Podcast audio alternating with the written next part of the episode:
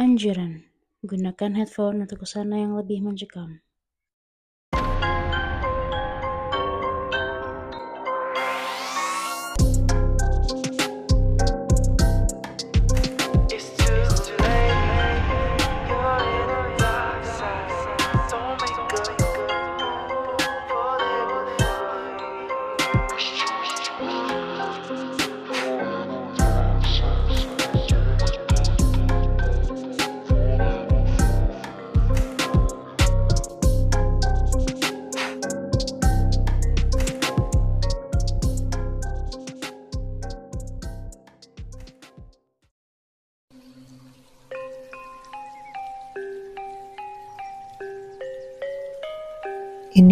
Kejadian pas malam Jumat.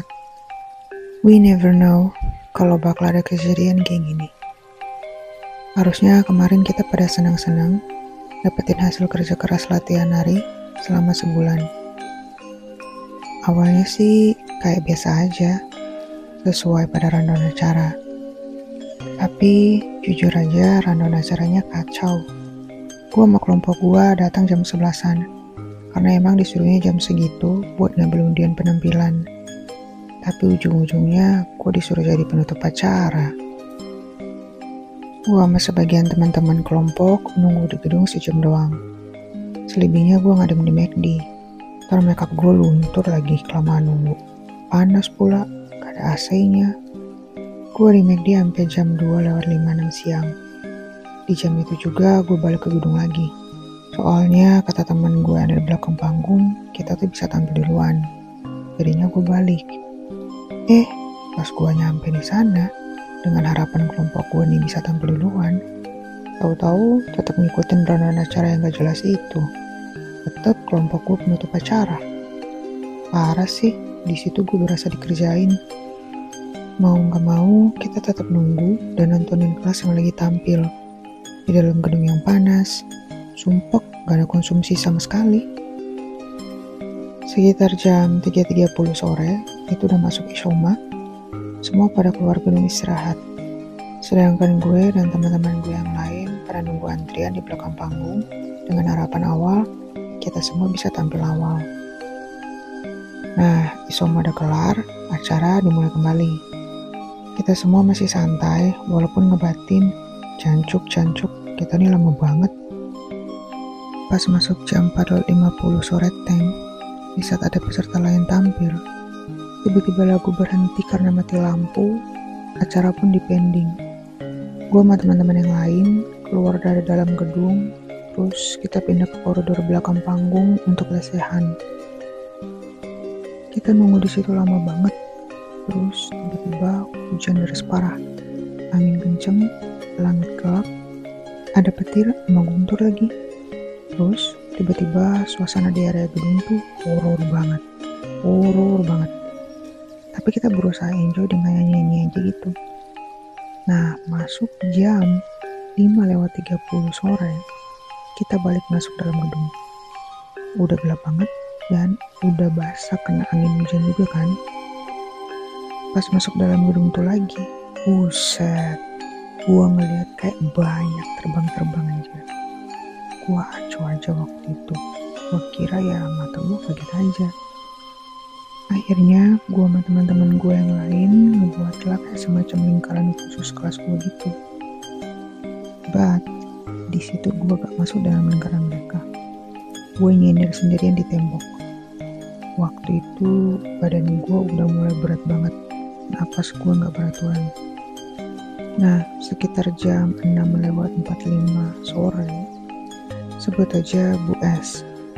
Si Bu S ini ngomong kan, saya punya pilihan untuk kalian semua. Saya mengundi satu kelompok saja untuk tampil penutupan, atau kalian mau nunggu sampai lampu menyala, atau kalian foto kostumnya aja. Kalian tampilnya besok aja di sekolah pakai baju bebas. Teman-teman gue yang lain kecewa lah. Kok gitu? Tapi keputusannya ya itu kita nunggu sampai lampu nyala. Parahnya lagi, tempat udah kosong dan kita semua di situ nggak ada konsumsi, bahkan air dus pun kagak ada. Lalu pas gue lagi sendiri nyender di tembok, tiba-tiba temen gue di dalam lingkaran ini sebut aja si A ya si A ini tiba-tiba nangis. Kira nangis kecewa doang sama keputusan Bu S ini. Dan mungkin dia juga ngerasa capek kan? Dan aku juga ngiranya mahnya kumet tuh ternyata si A ini kemasukan ama yang gue lihat pas awal masuk gedung karena kena hujan. Gue mau nolongin si A tapi gue juga butuh pertolongan anjir. Model baca doa pagi dan sore triku tiga kali sama ayat kursi. Makhluk ini tuh tembus ke si A soalnya si A nya emang lagi kosong. Di situ gue cuma bisa ngeliatin si A sesak napas ke karuan lebih sesak dari sesak gue si Ani belum ketolong. Eh, temen gue si F nih tiba-tiba ngikut kerasukan. Wah, tapi di situ tuh jiwa ragu gue langsung ganjir dan badan gue langsung ringan gitu. Akhirnya setelah gue balikan dikit, gue ngebantuin si A ini. Dia nih histeris banget muncul-muncul gitu, tapi gak ada yang bisa lihat selain dia doang. Udah gitu, gue nyuruh si L pacarnya si A ini buat gendong si A keluar dalam gedung. Biar dia gak sesek kalau dalam gedung. Selain itu gue nggak tahu kondisi si F dalam gedung yang kerasukan juga. Soalnya gue cuma ngikutin si A. Karena si A ini temen yang temen gue banget gitu. Si A ini didudukin di meja depan pintu masuk. Tapi nambah parah. Si A sampai nangis-nangis sesek malah senyum-senyum mir malah bikin gue merinding. Sempet dia sadar bentar. Katanya sih mau dibawa ke RS. Tapi kita mikir 50-50 juga. Mau dibawa atau enggak. Lalu pas gue lagi nolongin dia, dia ngomong dong. Ada perempuan lagi nari-nari pas banget di belakang gue. Cok anjir, dalam hati gue terus baca doa dong. Akhirnya ada satpol kan nyuruh si A bawa ke pos depan gerbang. Pas si A mau ngangkat si A ke pos si A malah berdiri nari-nari sendiri. Terus senyum-senyum gitu malah tambah parah. Demi Allah sih mukanya si A beneran kayak bukan muka dia. Tangannya kalau nari tuh nggak selentik itu. Terus kayaknya si satpol ini tahu deh ya Si A ini pun saat setengah sadar digendong ke pos. Pas nyampe di pos, si A ditidurin di situ. Lalu ditolongin sama guru BK gue yang ikut hadir di pensi itu. Gue jujur ngeliatnya gak tega banget. Si A tuh ngereok ketawa-ketawa, senyum-senyum gak jelas. Terus nari-nari itu. Temen gue yang satunya nih sebut aja si O. Si O ini ngikut ke pos dia duduk di kursi pos ngebelakangin Sia kan. Si O ini, gue denger sempat ngomong ke si NA, katakanlah ya, namanya si NN. Dia nyeletuk gitu. Eh, apa itu ada api-api terbang? Tapi si NA sama si NN ini katanya gak lihat. Tapi gue ngeliat cahayanya dari pantulan tembok pos. Ya, gue juga gak ngasih itu api. Gak lama setelah itu, gue tinggalin si A gue masuk gedung lagi sama si O, NA, NN, dan FH. Gue masuk soalnya acaranya tetap dilanjutin meskipun gelap gulita. Gue juga awalnya mikir, apa kita tetap tampil aja ya? Tapi perasaan gue gak enak di situ. Jadi ya udahlah, gue balik lagi keluar. Pas gue balik keluar, belum nyampe di pintu keluar nih, gue tiba-tiba jatuh dong. Badan gue lemes banget pinggang gue sakit, kepala gue pusing, kaki gue berasa ada yang tusuk-tusuk gitu.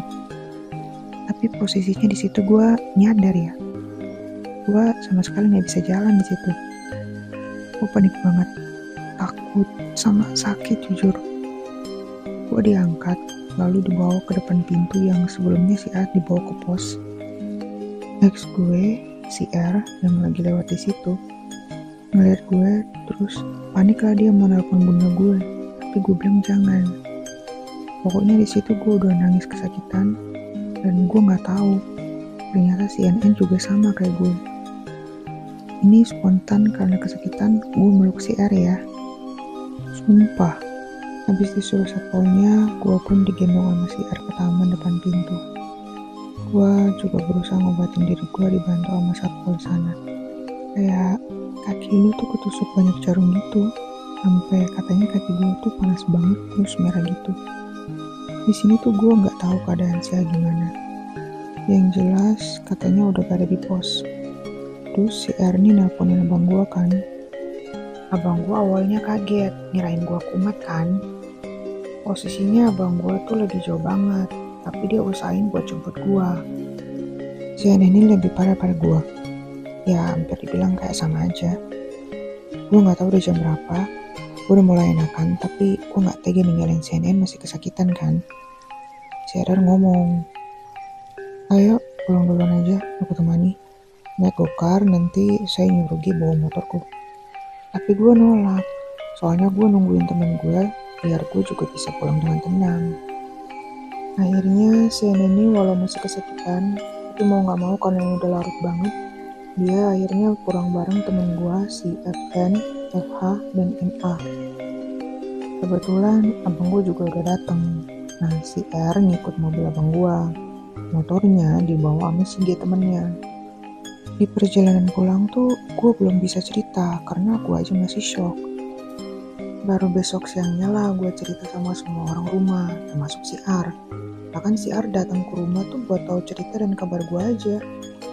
Nah kembali ke tadi malam di jam 11 pas gue nyampe rumah, temen gue si A ini ternyata masih kesurupan di rumahnya. Katanya nggak bisa berhenti nari. Pas mau bawa di RS, eh tiba-tiba nari lagi. Lalu ada pesan dari Pak D dan Bude alias yang rasukin si A ini. Akhirnya si A ini bisa dibawa ke RS dan sekarang si A lagi dirawat di sana. Besoknya sih udah pulang. Nah sedangkan si udah mulai membaik, udah sadar waktu sampai di rumahnya. Pas gue beneran nyampe di rumah, gue buka HP. Terus nemu lah tuh cocok logian sama teman-teman gue. Menurut si C ini, temen gue yang bersadar, awalnya tuh dia yang pengen dimasukin, tapi mungkin doanya kuat kali ya. Akhirnya pindah ke gue. Dia sengaja nampakin dirinya biar mau ditembus, tapi di gue juga nggak bisa, jadi sempat pindah ke si O dulu. Terus dari si O pindah lagi ke si A dan F. Nah, yang di ujung si A udah nangis, kan yang motoin si NN. Gue di belakang di tengah-tengah si A senderan di tembok sama si O dan si C. Dan cocok logi serta konspirasinya sih ya, kita ini emang digangguin sama penghuninya tuh gedung. Soalnya kita masuk ke permisi, terus ribet-ribet suara musik gitu kan. Dan by the way, tarian CNN, NA, sama A ini tuh bener-bener totalitas banget. Tema tarian CNN sama CNA tuh tentang tumbal gitu. Terus propertinya tuh lupa beneran jir. Ada melati putih aslinya sama daun apalah itu sama bunga warna pink gitu. Terus pas siang tuh kelompoknya mereka sempat ngebakar dupanya kan. Katanya buat dites-tes atau dicoba-coba doang. Nih, terus pas hujan tuh kita semua kan bawa masuk properti kita masing-masing. Ada di tengah-tengah lagi anjir. Tahu nggak, selama gue dan teman-teman gue jadi korban, Ibu S tetap melanjutin acaranya. Dalam keadaan gelap dan modal musik dari speaker aja. Sumpah, parah sih kata gue. Ada lagi nih konspirasi temen gue. Katanya, Bu S ini sengaja ngejadiin kita tumbal. Kita aja baru nggak kalau kejadiannya tuh malam Jumat. Entah ya sob, walau-walam, benar atau tidaknya Allah yang tahu. Oh ya, dupanya dibuang di gedung, saking paniknya. Yang harusnya dupanya tuh gak dibuang di gedung. Terus kan gue udah bilang tadi, si Pak D dan Bude alias yang ngerasukin si A ini ada pesan Katanya si A ini nggak bisa sembuh kalau gak dibawa kembali ke gedung. Soalnya kalau ada yang kesurupan kayak gitu, ya obatnya dibawa kembali. But so far, si A udah membaik sejak dia dirawat di RS. Dan gua pun alhamdulillah baik-baik aja. FYI mengenai gedung itu. Itu tuh gedung bangunan lama dari zaman Belanda. Mungkin penghuni di sana juga keganggu. Ditambah temen gue yang ngebabakar dupanya siang itu yang pada dasarnya dupa tuh ya kayak memanggil atau menarik arwah yang kayak gitu. Dan juga infonya kalau nari di gelap-gelap Sama aja kita kayak muja setan ya kan? Memang ya yang namanya kalau kita make, berkunjung atau bertamu ke gedung tua yang tak bertuan, biasanya di sana pasti ada penghuni tak kasat mata. Maka baiknya sih kita permisi dulu ya, atau setidaknya.